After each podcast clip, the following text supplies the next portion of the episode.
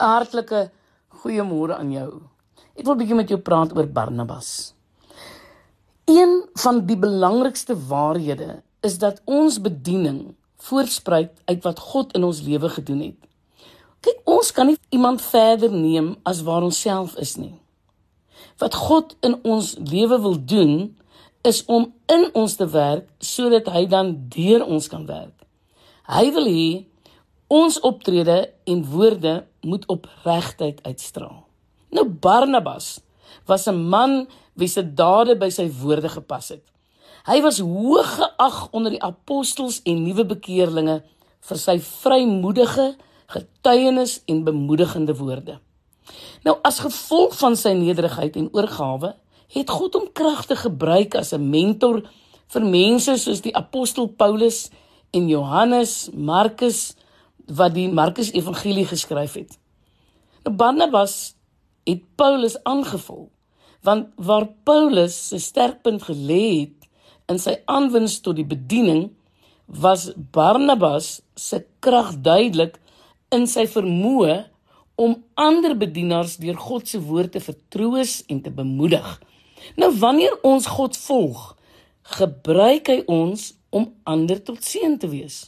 Kyk, dit verbaas jou dalk dat baie teoloë van mening is dat Josef die Sipriot die merkwaardige bediening in die opkomende kerk gehad het, selfs groter as die apostel Paulus, hoor.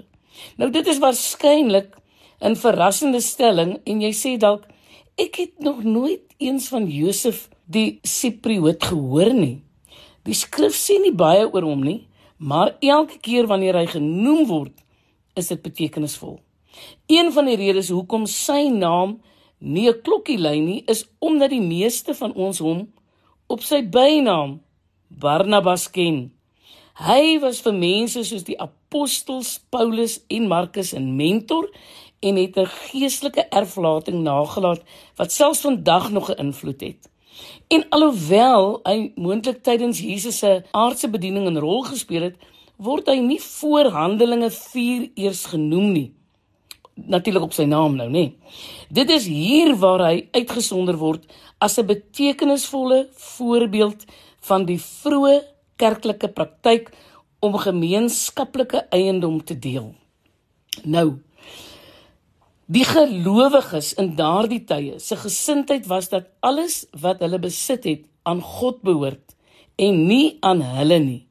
Nou mense het dit wat hulle ekstra gehad het, onnodige huise of grond verkoop en dan die wins vir die kerk gegee om uit te deel. Die gevolg was dat daar nie 'n behoeftige onder hulle was nie.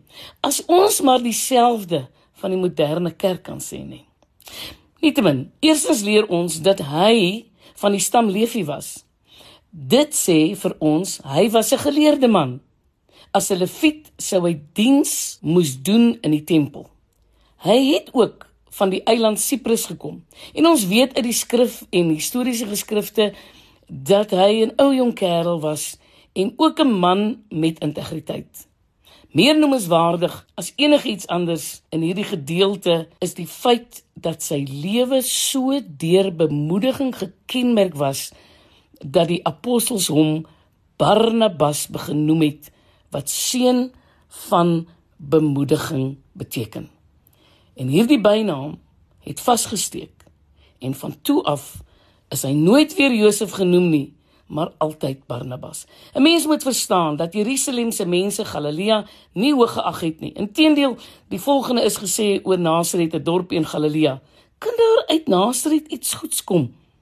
Tog het die apostels meestal van Galilea gekom.